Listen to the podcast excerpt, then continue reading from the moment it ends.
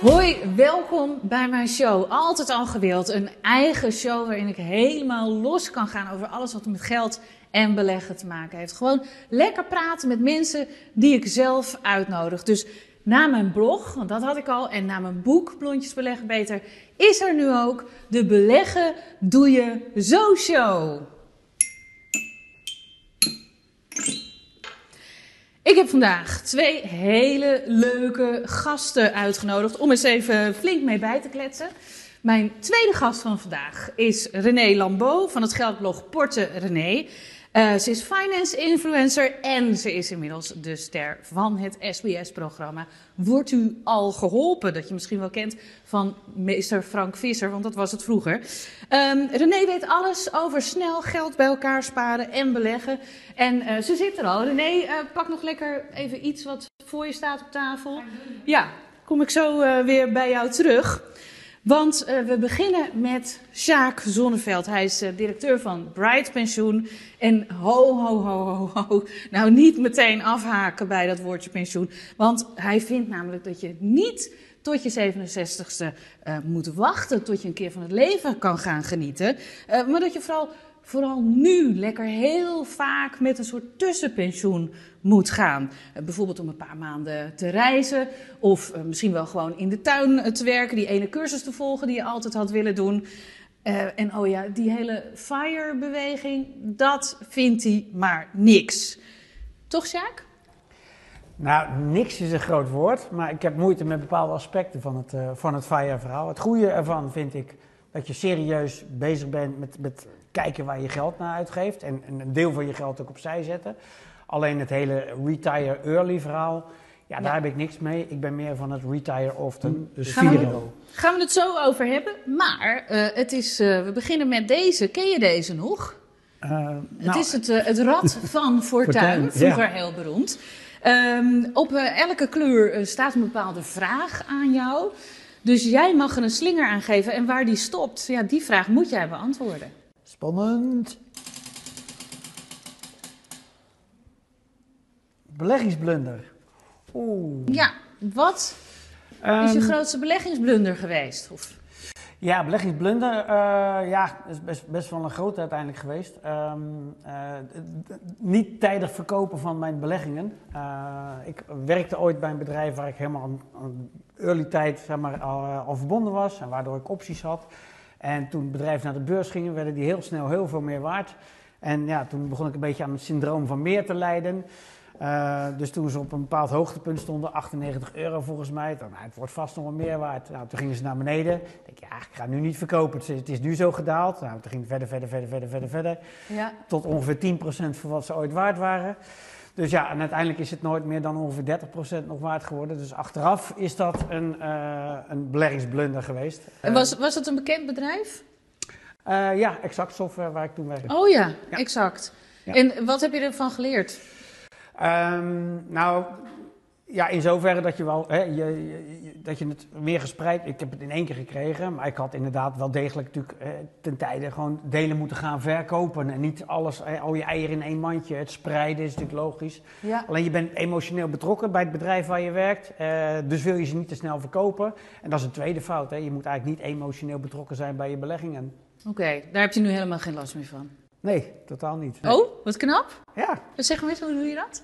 Nou ja, eigenlijk ben ik het, uh, uh, zoals we bij Bright beleggen, gewoon breed gespreid in een combinatie van ETF's. Uh, ja, dan, heb, dan zit daar sowieso al geen emotioneel aspect bij.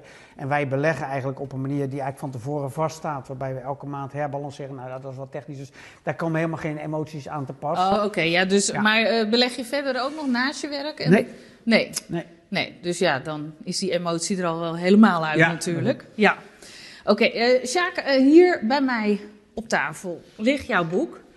Je hebt het uh, Reis rond de wereld in je beste jaren. Je hebt het alweer een tijdje geleden geschreven. Ik zoek even op wanneer. Deze komt 2016. Klopt. Ja, ja dat klopt. En het is eigenlijk een update van een boek uit 2013. En dat heet Het nieuwe werken aan je pensioen.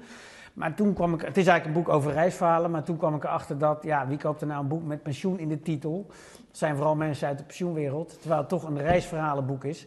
eh, primair. Dus toen heb ik het eigenlijk gewoon geüpdate. ehm, en Het van een nieuwe er nog wel stiekem op, hè? Een tussenpensioen. Tussenpensioen, een kwestie van Kwestie doen. van doen. Ja, en, maar dat werkte wel enorm. Stond ineens in de, in de top drie eh, reisverhalen bij bol- bol.com. Dus dan zie je maar weer dat de titel van je boek heel belangrijk is. Hoef ik jou niet uit te leggen. Nou, top. Gefeliciteerd. Ehm, maar, maar in dit boek beschrijf jij eigenlijk hoe jij eh, dus inderdaad vaak met een tussenpensioen gaat. En ik begon net met te zeggen dat FIRE, dat vind je maar helemaal niks. Maar dat klinkt toch ook een beetje als eh, dat. Want FIRE moeten we misschien even mee beginnen. Ja. FIRE is eh, nu weinig geld uitgeven en dat zo goed mogelijk beleggen, zodat je zo vroeg mogelijk met pensioen kunt gaan. Waarom vind jij dat idee helemaal niks? Nou, ik heb zelf ervaren nadat ik zeg maar mijn eerste sabbatical, toen had ik dat hele idee nog niet. Toen was ik een, een halfjaartje aan het reizen. Hè, met, met, nou ja, achteraf noem ik dat mijn tussenpensioen. Eh, maar ik kwam erachter, als je een half jaar lang andere dingen gedaan hebt, heb je weer onwijs veel zin om te gaan werken.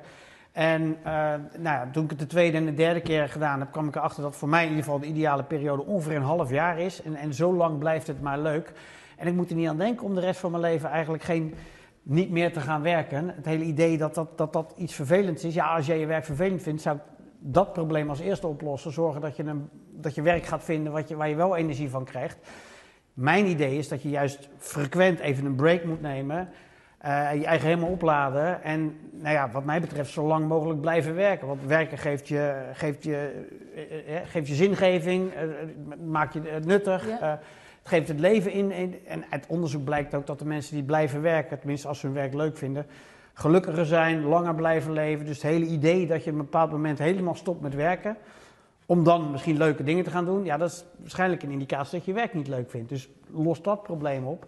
Ja. En zorg dat je. En ga wel vaak, eh, vaak ook gewoon switchen van job. Want ik kom uit de IT en ik zit nu in de pensioenen. En ik vind het weer helemaal leuk, omdat ik meer mijn tanden in iets heel nieuws kan zetten. Maar ik weet nu al zeker dat ik echt niet heel mijn leven in die pensioenen blijf zitten. Ik ga hierna weer iets anders doen.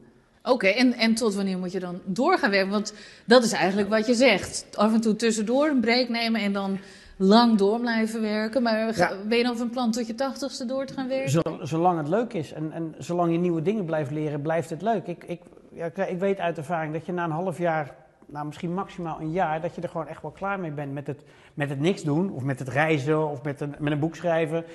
Dan wil je gewoon weer, je wil je weer nuttig maken. Je wil er weer toe doen. Je wil, ja, wie zit er nou op een 80-jarige te wachten in een eh baan Ja, in dat, loondienst? dat weet ik niet zeker. Nou ja, misschien ook niet in loondienst. Maar dat hele werken, dat is natuurlijk ook al hard aan het veranderen. Dat hele loondienstverhaal wat uit de industriële revolutie voorkomt. Dat, dat, ja, ja, goed, jij bent ook niet in loondienst. Jij bent niet in loondienst.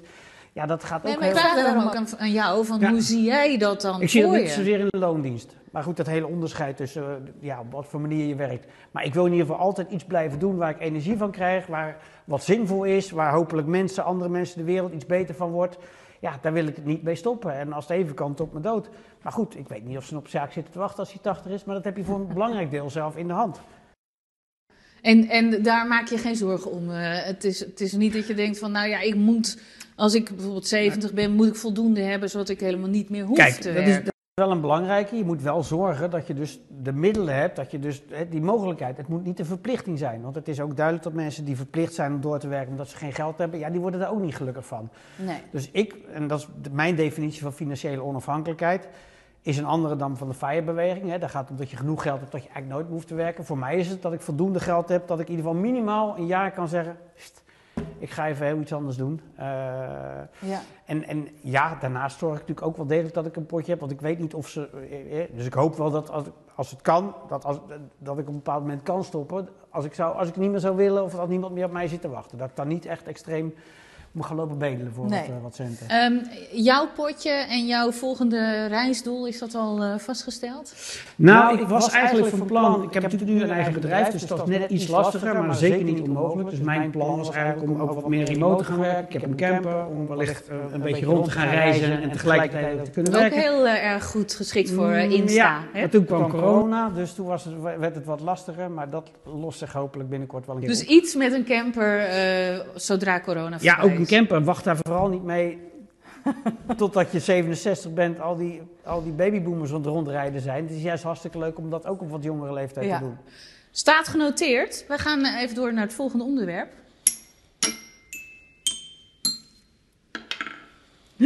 En dat is Het mandje.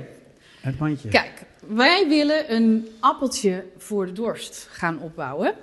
Je kent het wel, in het Engels heet het nest egg, hier in Nederlands gewoon appeltje voor de dorst. Mhm. Eh, we hebben het ook vaak over beleggen. Beleggen doe je vaak in een mandje, want je moet nooit al je eieren in één mandje steken. Het mandje is nu nog een beetje leeg. In dit mandje kan van alles en nog wat komen. Wat precies, dat bepalen de vrienden van de Beleggen Doe Je Zo Show. En vandaag ben jij dus eh, Mhm. degene die dat mag bepalen, Sjaak. Ehm, als je denkt aan eh, iets doen met je geld eh, en, en iets opbouwen voor later, een appeltje voor de dorst. Mhm. Welke beleggingsmogelijkheid, tip of financieel idee heb jij? Wat moet er in dit mandje? Nou, ik zou in ieder geval zeggen, ga. En, en uit onderzoek bleek dat maar liefst twee derde van de ZZP'ers niet eens weet dat je fiscaal vriendelijk voor je pensioen kunt beleggen. Nou, dat stuk heb, krijg je sowieso al van de Belastingdienst terug. Dus ga datgene wat je fiscaal vriendelijk mag doen, ga dat op een fiscaal vriendelijke manier beleggen. Eh, hè, niet uitsluitend dat, want dan staat je geld wel vast. Dus dat maakt het al snel twee keer interessanter dan gewoon beleggen. En zorg dat je daarnaast een tweede rekening erbij hebt, waarbij je wel gewoon eerder eh, aan kunt komen om, nou ja, komt hij weer, om af en toe eens een keer met tussenpensioen te gaan. Oké, dus we, eh, eigenlijk geef je er twee, maar eh, zullen we in elk geval die fiscaal gunstig Ja, pensioen Fiscaal opbouwen? gunstige En eh, pensioenrekening. de- hoe noemen we dat? Is, voelt dat meer als een banaan of meer als een appel? Ehm, nou, dat is meer een appel, want dan zegt het spreekwoordelijke pensioen slash appeltje voor de dorst. Ja. Dan, eh, ik schrijf me even op of wil je het misschien zelf doen? pensioen beleggen. Want het grappige is, eh, de, meeste ZZP'ers die beleggen wel geld voor hun pensioen, maar het grappige is dat toch echt een groot gedeelte dat niet fiscaal vriendelijk doet. En dan Ja. laat je toch wel echt een berg geld liggen. Hartstikke mooi. Ons eerste appeltje voor de dorst gaat in het mandje. Ik zet hem hier neer bij het Rad van Fortuin. Nou, wat zullen wij eh, rijk en, eh, en bij elkaar gespaard worden. Lekker vroeg met pensioen. Eh dankjewel eh voor je bijdrage, Sjaak. Graag gedaan. En dankjewel dat je hier de eerste vriend van de show wilde zijn. Dankjewel.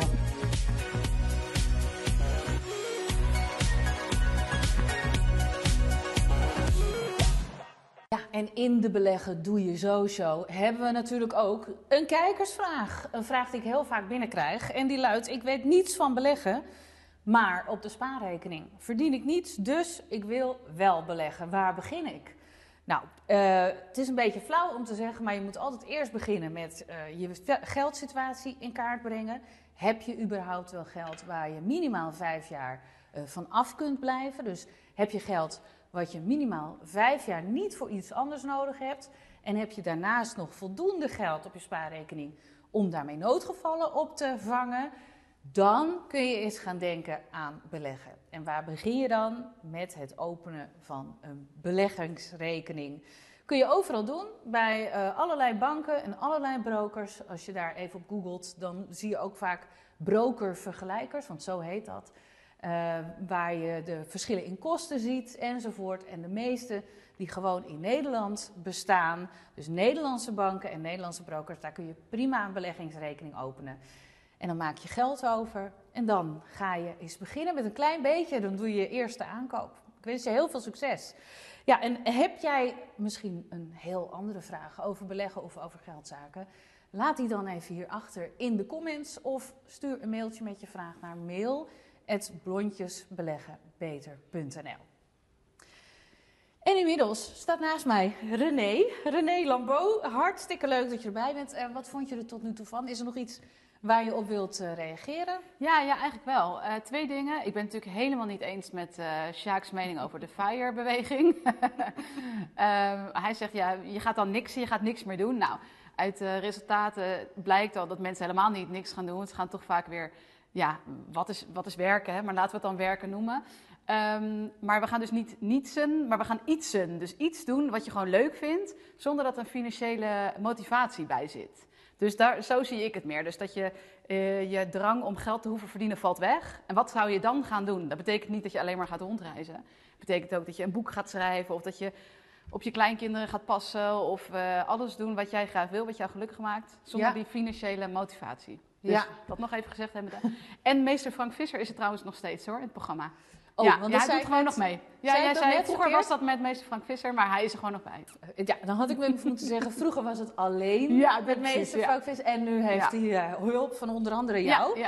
Want ja, jij bent een van de reizende sterren van dat programma. Wordt u al geholpen? Eh, wat is nou een vraag, kun je daar een voorbeeld van noemen, die vaak voorbij komt? Dat willen mensen graag van je weten? Heel vaak, eh, hoe hou ik meer geld over? Dus ze noemen het dan vaak niet besparen, maar uiteindelijk toch wel op zoek gaan naar ruimte ja, in hun Want besparen uitgaven. is misschien een beetje Ja, besparen, dat vinden, willen we eigenlijk allemaal niet. Maar we willen wel geld overhouden. Ja. Maar ja, ehm, dus het zoeken naar ruimte in een budget. Ehm, mensen vinden het nog steeds heel moeilijk om inkomsten en uitgaven op een rijtje te zetten. En dat vinden we natuurlijk ook gewoon niet leuk. En dat is het eigenlijk ook niet echt. Maar dat is wel de manier om ruimte te creëren. Dus heel vaak ben ik dan in de lijstjes van mensen aan het kijken van... eh, joh, waarom geef je hier zoveel uit? En eh, bijvoorbeeld, eh, weet je wel, eh, 110 euro aan televisie en internet. Ik zie ze echt nog geregeld voorbij komen. Dus dat, dat zien we heel veel. Ja. Oké.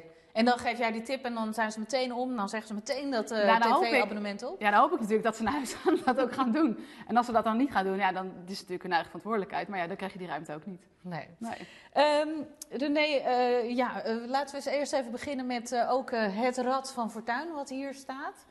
Leuk als jij ook even een slinger Ja, zou willen goed. geven aan het rad. Ah, de beleggingsblunder. Ook de beleggingsblunder.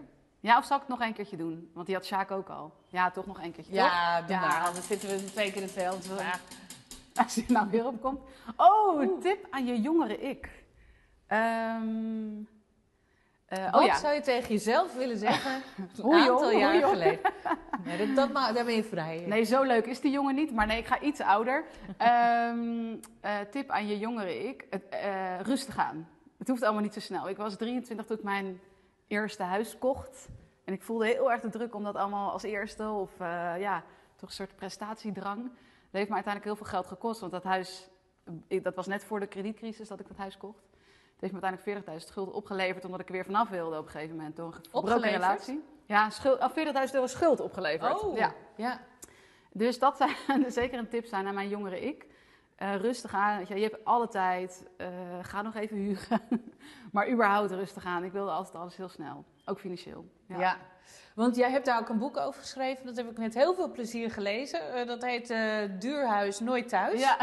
is ook alweer van een aantal jaar geleden. Ja. Het is zelfs van zoveel aantal jaar geleden dat, dat we het hier niet konden neerleggen nu. Nee, ik heb het niet meer in huis. Dus ik krijg soms via Instagram nog wel eens van, heb je het boek nog? En dan verstuur ik het. En ik heb ook van de money planner die daarna kwam, die heb ik gewoon niks meer in huis. Nee. Maar daarin schrijf jij, vind ik, heel leuk jouw verhaal op. Eh, ik weet dat er al inmiddels een beetje moe van bent, maar toch voor de mensen. Je vertelde het net al even heel kort.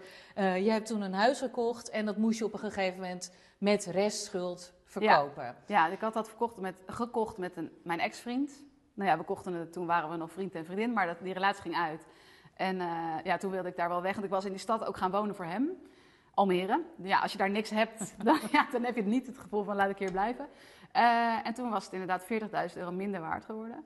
Het heeft drie jaar in de verkoop gestaan. Ja, nu denk je, gebeurde dat? Maar ja, dat gebeurde echt, drie jaar lang. Ja. En in die drie jaar lang ben ik inderdaad heel hard gaan aflossen en ook totaal anders over geld gaan denken. Want ik was het type, eh, nog een zwart jurkje kan er wel bij, zeg maar. Ehm, ja, dat moest toen, toen echt anders. Want wat is het belangrijkste wat je eh, toen bijvoorbeeld wel deed, wat je nu niet meer doet? Nou, überhaupt een idee hebben waar mijn geld naartoe ging, dat had ik niet. Dus ik, ik, ik had gewoon, mijn geld kwam binnen en dan, eh, nou, met een beetje geluk zette ik wat weg voor de belasting, maar ook niet altijd. Ja, ja. En dan ging ik dat gewoon uitgeven. En als het dan op was, ja, dan was het op. Dat was een beetje hoe ik met geld omging. En eh, ja, toen ging ik natuurlijk de dingen doen die we allemaal niet willen doen, maar die ik toen wel moest. Van ja, waar geef ik het eigenlijk aan uit? En ik hoor nog steeds heel vaak als mensen dat doen, dat ze heel erg schrikken. Van bijvoorbeeld eh, boodschappen, maar ook eh, eten bestellen, horeca. zijn echt van die posten die enorm uit de klauwen kunnen lopen. En dat was bij mij eigenlijk allemaal een beetje uit de klauwen gelopen. Ja. En Dus zit jij nou, eh, want samen met je man en je gezin, eh, op een houtje te bijten thuis en staat de verwarming uit? Dus zitten jullie in van die huispakken met gedroogde theezakjes aan de waslijn? Nee, nee, dat niet. Nou ja, om die schuld af te lossen was ik wel echt drie jaar. Was wel vrij hardcore, zeg maar. Eh, maar inmiddels zijn we weer wat jaren verder en kunnen we gewoon weer eh, eh, de verwarming aanzetten. Nee, dus zo erg is het helemaal niet. Maar ik moet zeggen, ik doe soms wel dingen die andere mensen dan niet doen. Of ik denk op een bepaalde manier over iets wat een ander denkt van nou, dat zou ik niet zo... Noem eens een voorbeeld. Nou, bijvoorbeeld toen wij kinderen kregen, zei iedereen van, ja, en welke auto ga je dan kopen? En dan iedereen ko- kocht altijd een station wagon. Zo, want je had de kinderwagen en dat moest allemaal mee. Dus al mijn vrienden en vriendinnen hadden dan zo'n auto. Ja, en ik rij nu nog steeds de auto die ik had voordat ik mijn kinderen kreeg. Namelijk een Suzuki Swift, zonder wieldoppen, ook nog eens. Ehm, maar dat, daar maak je dus gewoon andere keuzes in, omdat mij dat dus gewoon niet zo boeit. Ja. Ja. Hey, en, en nog even met dat aflossen van die schuld van die 40.000 euro, dat hebben jullie vrij snel Ja. gedaan. Hè? Eh, wat is toen, want ja, daar zijn mensen natuurlijk toch benieuwd naar. Wat is toen hetgene geweest wat echt een groot verschil maakte? Wat je echt dan een, een flink zetje gaf eh, bij het aflossen of besparen? Ja, ehm, nou ik moet wel eens zeggen, ik kwam uit een vrij, vrij verwende situatie. Dus het schrappen van alle luxe dingen was al best wel een groot stap. En toen was het dus gewoon, eh, ik ging op dat moment toen werken met een bedrag per week. Dus ik gaf mezelf een soort weekgeld en daar moest ik het dan elke week van doen. Nou, het scheelde enorm veel geld, want als het op was, was het gewoon op. En die situatie had ik nooit echt eerder eh, ervaren. Ehm, en eh, ja, gewoon eh, bepalen vooraf wat je aan iets wil uitgeven. Dus niet kijken van, oh, achteraf, wat heb ik uitgegeven bij de supermarkt? Maar oké, ik heb deze maand eh, 450 euro. En verdeel ik per week, zet ik het op mijn rekening. Ja, en daar doen Ja. we het gewoon van. Dus meer vooraf bepalen, in plaats van achteraf balen, zeg maar. Ja. Nou, dat vind ik een hele mooie. Ehm, even over dit boek. Want Ja. eh, hier heb jij het voorwoord van geschreven. Het gaat over eh, financiële vrijheid. Eigenlijk een stel wat op weg gaat, eh, nou ja, hun FIRE-reis. Ja. FIRE hartstikke hip op dit moment. Ja.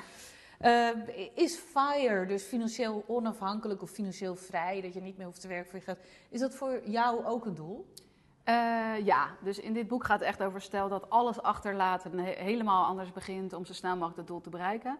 Omdat ze ook bijvoorbeeld eh, ervaren, ik kan helemaal niet bij mijn kind zijn, want ik ben alleen maar aan het werken. Dat is best wel een beetje eh, extreme omslag. Eh, dat FIRE is wel ook wel een doel voor, voor, voor mij en mijn man samen. Eh, wel op een iets relaxedere manier, denk ik. Dus, want zij gaan op een gegeven moment in de kelder bij eh, de schoonouders wonen. Nou, dat zie ik nog niet gebeuren. Maar wel dat wij heel bewust bezig zijn. Ik, bedoel, ik, ik kan je bij wijze van spreken zo vertellen van hoeveel procent van ons inkomen elke maand niet uitgegeven wordt. Maar Oh, vertel. ja, die kon ik zien nakomen. Oh, het was bij wijze van spreken. Nee hoor. Eh, nee, wij krijgen allebei als eigen bedrijf een, eh, een salaris uitgekeerd. En wij leven van één salaris. En het andere, ja, dat eh, beleggen we of dat, daar doen we andere dingen mee. Ja. Oh, dat is mooi, ja. ja. En heb je dan ook al berekend wanneer de grote FIRE-datum zal zijn? Dat jullie niet meer hoeven te werken? Nee, want ik ben niet in loondienst, dus het is niet zo makkelijke sommetjes maken. Dus een bedrijf is het ook gewoon net even wat anders financieel. Maar ehm, ik weet wel een bedrag en ik weet ook hoe ver we ongeveer op weg zijn daar naartoe. Ja. En, Ja, oh jeetje, ja. Eh, nou, zeg maar met 7,5 ton zouden wij, als we in het gelukkige positie zijn dat we voor altijd samen blijven, hè? dat speelt natuurlijk Ja. wel mee. Eh, en dat we niet per se duurder gaan leven, zouden wij ehm, eh, ja, de- genoeg hebben, zeg maar, voor de rest van ons leven. En ehm, we zijn nu nou, iets onder de helft, laat ik het zo zeggen. Oké, nou Ja. dat schiet al lekker op, Ja, toch? Ja. En eh, net was Sjaker, en eh, even heel kort, om, eh, is dat dan wat voor jou ook om tussentijds ook een aantal keer een lange reis te maken? Of zeg je van nee, wij houden even vol totdat we inderdaad dat punt van FIRE bereikt hebben? Nou, als Sjaak voor ons kan regelen dat de leerplichtambtenaar ambtenaar niet zo moeilijk doet, dan zou ik meteen gaan. Maar helaas, ik heb twee kinderen. ja, oh, die hoor ik graag, die trucjes. Eh, ik heb een kind van eh, net eh, vier en eentje van zeven. Nou, die van vier kan ik wel meenemen. Maar om die van zeven na een half jaar bij oma te brengen, gaat ook wat ver. Dus dat is, ja, anders zou ik meteen doen. Ja, Oké, ehm, ik wilde ook nog even één ding. Eén onderdeel volgens mij van jouw FIRE-strategie is ook dat jullie hebben een eh, tweede appartement gekocht. ja. En ook dat is hartstikke hip hè, op dit Ja. moment. Doe je dat ook om daarmee eh, extra inkomsten te gaan genereren? Ja, en dan moet ik eerst zeggen, het is een recreatieappartement voordat ik nu heel veel boze mensen krijg omdat ik woningaanbod beperk. Het is een recreatieappartement, dus we verhuren het ook als zijnde vakantiewoning aan mensen. En soms dat mensen bijvoorbeeld eh, tussen twee huizen zitten voor twee maanden of zo, dan kunnen ze ook bij ons terecht. En ja, dat hebben we natuurlijk wel heel bewust. Ja, ik dacht niet opeens van, eh, laat ik dat eens doen, eh, dan ga ik er zelf een paar keer naartoe of zo. Het is wel, ja, ik heb wel een sommetje gemaakt van, oké, wat levert het op, wat kost dat, et cetera. Ja, dus is onderdeel van Nee, maar ik het snap plan. natuurlijk dat je daar een sommetje van maakt. Maar is dat ook, eh, heb je dat ook gedaan vanuit het idee van... oké, dat gaat ons dan nog verder op weg helpen Ja. naar financiële onafhankelijkheid? Nou, of dacht je eerder van, ach, ik wil ook wel eens in een appartementje aan zee. Leuk, lekker inrichten. Nou, een combinatie van beide. Maar het is wel zelfs zo, eh, volgens mijn man is dit het plan. Maar we hebben wat discussie over wat het plan is. Oh, Hij zegt dan, eh, dan hebben we dat huisje daar en dan verhuren we een half jaar. En dan zitten wij lekker in het zonnetje. En het half jaar, als hier de zon schijnt, dan zitten we lekker in dat huisje. Dus, maar voor nu is het wel, ja, dus op die manier is het onderdeel van. En voor nu is het ook onderdeel ervan, want we verdienen daar gewoon geld op. En dat gaat weer meewerken in ons, eh, in ons dichter bij dat FIRE-doel te brengen. Nou, en dan hebben we natuurlijk onze vriendenportefeuille, oftewel het mandje. We hebben er al eh, één appeltje voor de dorst in zitten, namelijk pensioenbeleggen van Sjaak. Ja, dat doe ik ook. Ja, Dus ik dat is een goed appeltje. jij er ongeveer in zou willen stoppen, denk ik, toch? Ja, ik denk het ook wel. Iets met vastgoed? Ja, zou ik En doen, eh, ja. is dat meer een banaan of meer een appel? Ehm, nou, doe maar een banaan, dat schrijft makkelijker. Maar die zijn niet zo lang houdbaar, hè? Dus, maar ja, oké, dat is dan... eh, Die vervangen we af en ja, toe. ja. Zo. Maar deze hoort natuurlijk wel tussen al die andere appels, hè? Niet tussen eentje. Ja, tuurlijk. Zo. Hè, lekker gediversifieerd. Goed gespreid, verschillende dingen met je geld doen, waaronder vastgoed. Nou, hartstikke mooi. En je houdt ons natuurlijk, eh, neem ik aan, van die hele reis ook op de hoogte via Instagram, Ja. René, en via je blog. Ja, de podcast natuurlijk, elke Podcast vrijdag. Ja. gaan we ook allemaal luisteren. En we kijken natuurlijk eh, naar eh, Wordt u al geholpen? ja. En dat is elke woensdag, geloof Ja. ik, hè? Nee, eh, nee, het is elke dag. En ik zit er, ja, ik kan je niet voorspellen wanneer ik erin zit. Maar af en toe zul je me voorbij zien komen. Ja, Oké, houden we in de gaten. Dankjewel. graag gedaan. Ja, en dit was de eerste aflevering van Beleggen Doe Je Zo. De Beleggen Doe Je Zo show. Eh, nou, we hebben hem nu gemaakt eh, helemaal zonder sponsors. Maar ja, willen we dit heel lang vol kunnen houden...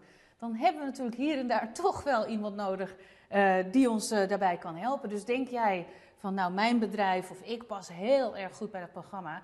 Meld je dan even via mail.blondjesbeleggenbeter.nl. Of mag ook in de comments natuurlijk. Ehm, nou, laat ook vooral even weten in de comments wat je van dit programma vindt. Want daar zijn we ook heel erg benieuwd naar. Dankjewel voor het kijken. Heel erg leuk deze eerste aflevering en heel graag tot de volgende keer.